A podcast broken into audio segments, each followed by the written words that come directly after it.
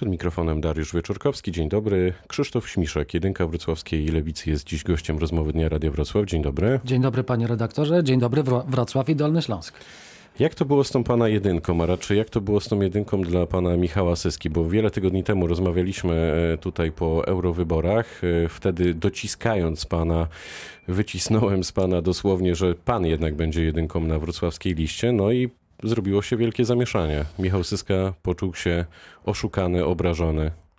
No cóż, układanie list wyborczych y, nigdy nie jest łatwe, a nie jest łatwe tym bardziej, kiedy do wyborów wstaje trzy partie, lewicowe partie, które zdecydowały się pójść pod jednym szyldem, więc decyzja nie należy już, już wtedy do jednego lidera czy, czy do zarządu e, jednej partii tylko e, głos w tej sprawie zabiera trzy partie i kalkulują. Przecież kampania wyborcza czy układanie list wyborczych to jest także strategia wyborcza i e, liderzy trzech, trzech, trzech partii wiosny e, razem i Sojuszu Lewicy Demokratycznej podję, podjęli taką decyzję, a nie inną. Ja się z niej cieszę, ale też uzasadnieniem tej decyzji było to, że kilka miesięcy temu w wyborach do Europarlamentu na Dolnym Śląsku i Opolszczyźnie zdobyłem prawie 50 tysięcy głosów. To prawda, ale tak po ludzku nie jest panu żal, przykro, że wyszło tak, jak wyszło?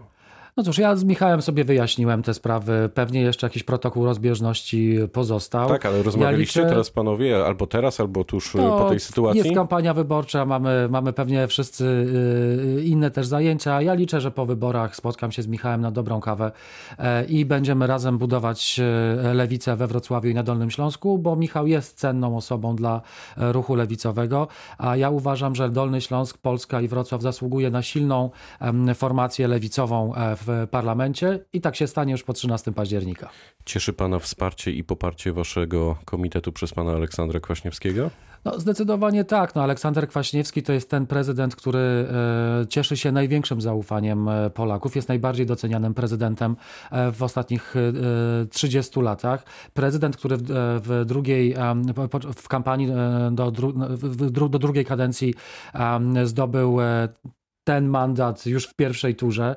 E, to jest człowiek e, symbol, to jest człowiek, który jest, e, którego spuścizną będzie między innymi konstytucja, której ja bronię na ulicach już od czterech lat. Ale też Bardzo wejdę w słowo, jednocześnie symbol dawnego systemu. To wam nie przeszkadza?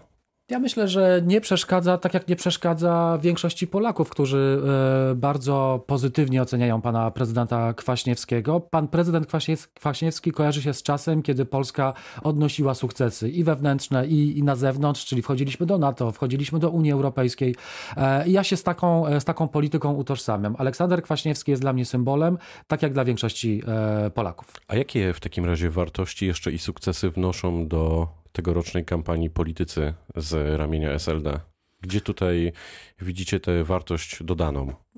Ja uważam, że y, to połączenie, i to, my, my, czujemy to na ulicach, panie redaktorze, to połączenie się tych trzech partii, e, młodej lewicy, średniej lewicy i tak zwanych starszych braci w wieży lewicowej, e, przyniosło bardzo dobry efekt. W momencie, kiedy w sytuacji, w której e, po tej centroprawicowej stronie opozycja się dzieli, lewica poszła po rozum do głowy i się połączyła. I ten efekt widzę na ulicy. Ja dzisiaj właśnie do pana redaktora wróciłem e, z porannego rozdawania moich drożdżówek przy Placu Dominika amerykańskim, e, które rozeszły się bardzo szybko i z moim teamem wolontariuszy rozdawaliśmy tam gazetki i naprawdę czuję to na ulicy, jak ludzie do nas podchodzą i mówią fajnie, że, że to robicie, fajnie, że idziecie razem, fajnie, że, e, że się połączyliście, że zostawiliście jakieś tam swoje swary, kłótnie, zaszłości e, na boku, bo nie czas na kłótnie. Dzisiaj mamy czas do odbudowy państwa prawa, dzisiaj mamy także dobry czas do tego, aby budować nowoczesne państwo dobrobytu, bo tym się różni lewica od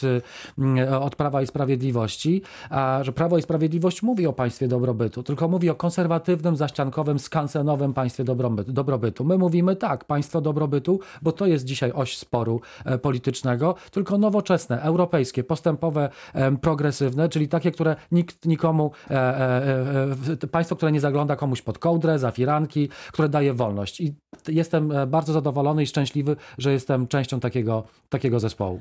Powiedział pan kilka dni temu, e, że w jednym z wywiadów, że system opieki zdrowotnej w Polsce to jest e, katastrofa i że Lewica ma bardzo jednoznaczny program. Co to znaczy i jak uzdrowić służbę zdrowia? Cieszę się także, że nie tylko ideologiczna nawalanka, mówiąc kolokwialnie, jest obecna podczas, podczas tej kampanii, ale rozmawiamy także o programie. I widać bardzo wyraźnie po czterech latach rządu Prawa i Sprawiedliwości, rządów Prawa i Sprawiedliwości, że nie dali rad. Znaczy, jak się idzie do lekarza, trzeba czekać miesiącami na, na wizytę u specjalisty. Jak się idzie do szpitala, widać jakie są warunki w, w wielu tych szpitalach. Lewica mówi bardzo jednoznacznie. Bardzo szybko trzeba podnieść nakłady na służbę zdrowia do 6,8% PKB, a I po co to da? 2024 7,2. Co to da? Skrócenie kolejek. Panie redaktorze, ja dzisiaj też rozmawiałem z osobą, która, mm, e, którą spotkałem na Placu Dominikańskim, która mówi, "Cze- czekam 30 miesięcy na, e, na operację kolana. No, to nie jest normalne państwo, gdzie z jednej strony chwalimy się sukcesami ekonomicznymi, sukcesami gospodarczymi, a z drugiej strony te sukcesy gospodarcze nie przekładają się na normalne funkcjonowanie tak podstawowego konstytucyjnego prawa, jakim jest prawo do zdrowia. I nie może być tak, że dzisiaj mamy 4,9% PKB na służbę zdrowia, kiedy, kiedy wszyscy chwalimy się, że budżet jest e, e, zrównoważony i mamy wielkie inwestycje, kiedy inwestycja w człowieka zawiodła, kiedy inwestycja w człowieka się po prostu nie udała. No dobrze, ale eksperci mówią tak, że PKB oczywiście trzeba podnieść tutaj w tym e, kontekście i w tym obszarze, natomiast nikt nie mówi, żadna z partii nie mówi o tym, ile pieniędzy faktycznie na głowę pacjenta należy przeznaczyć O nie, konkretnie. Tutaj to, to mówienie o, o, o konkretnych kwotach na głowę pacjenta to jest jedna kwestia, ale my mówimy, Ale przedstawiliśmy mówią, cały... którzy siedzą często w tym studiu, że to jest absolutny początek. Czy wy wiecie, ile w takim Ja- razie pieniędzy trzeba przeznaczyć na ja głowę uważam, pacjenta? Nie, panie redaktorze, e, e, to jest jedna, jeden z wycinków e, mówienia o służbie zdrowia, czy w ogóle o systemie opieki zdrowotnej. Trzeba po powiedzieć, że Lewica przedstawiła bardzo jednoznaczny i bardzo precyzyjny plan, czyli zwiększenie lekarzy o 50 tysięcy, zwiększenie liczby lekarzy o 50 I znów tysięcy zapytam, ciągu... jak to zrobisz nagle? No, panie redaktorze, jeśli będziemy e, dalej inwestowali w takie, w takie turbo prze, prze, przeskalowane inwestycje, jak na przykład Centralny Port Komunikacyjny, który kosztuje, uwaga, 35 miliardów złotych, to ja wolę te 35 miliardów złotych przeznaczyć na uczelnie medyczne i zwiększyć limit przyjąć na studia medyczne o 50%. Nie da się uzdrowić służby zdrowia jutro, za rok, za dwa. To jest system rozciągnięty na lata. Trzeba także ułatwić nostryfikację dyplomów dla lekarzy z zagranicy. Trzeba także e, podnieść liczbę przyjmowanych studentów na tak niedoinwestowane i zaniedbane mm, e, kierunki jak geriatria, czy, e, e, czy anestezjologia, czy psychiatria. A jak odłużyć szpitale?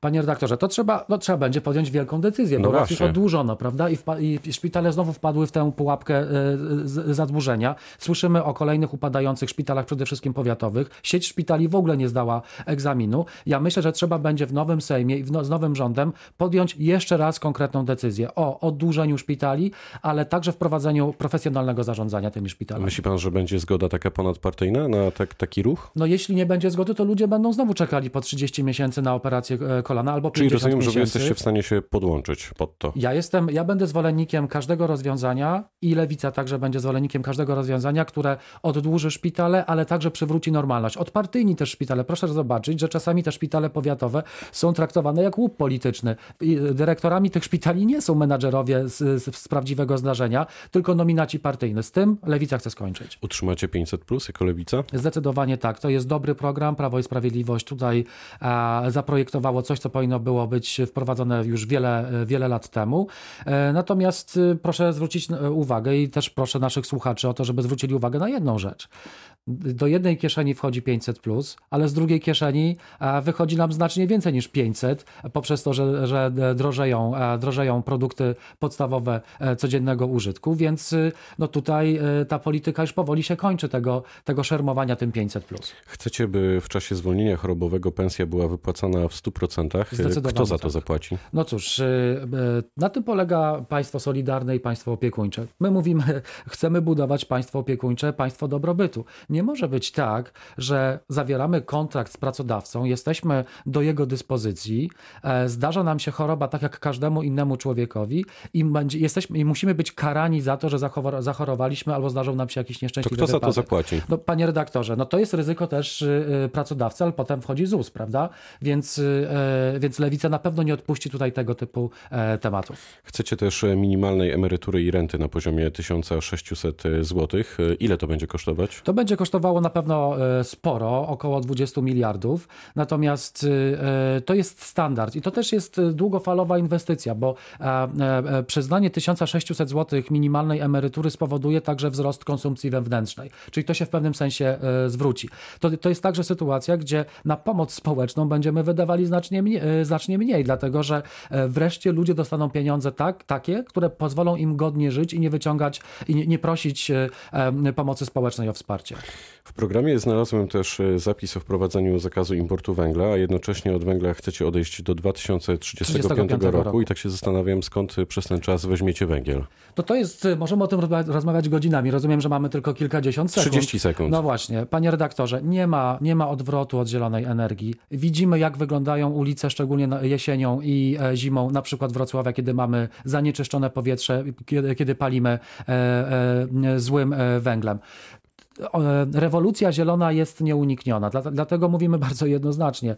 Przeznaczymy ogromne pieniądze, między innymi 2% PKB na innowacje w nauce. Czyli o żeby... jakich kwotach mówimy? Mówimy o, bardzo, e, mówimy o bardzo wielu miliardach, mówimy o około 10 miliardach, nawet więcej, przeznaczanych na e, rozwój technologii zielonych, po to, żeby stopniowo zastępować e, węgiel. Nie ma odwrotu od tego typu, od tego typu kierunku. To jednym zdaniem, ile wasz program będzie nas, Polaków, kosztować? Mamy dokładne wyliczenia. 50 58 miliardów, między 58 a 62 miliardy. To jest naprawdę coś, co, na co Polacy zasługują.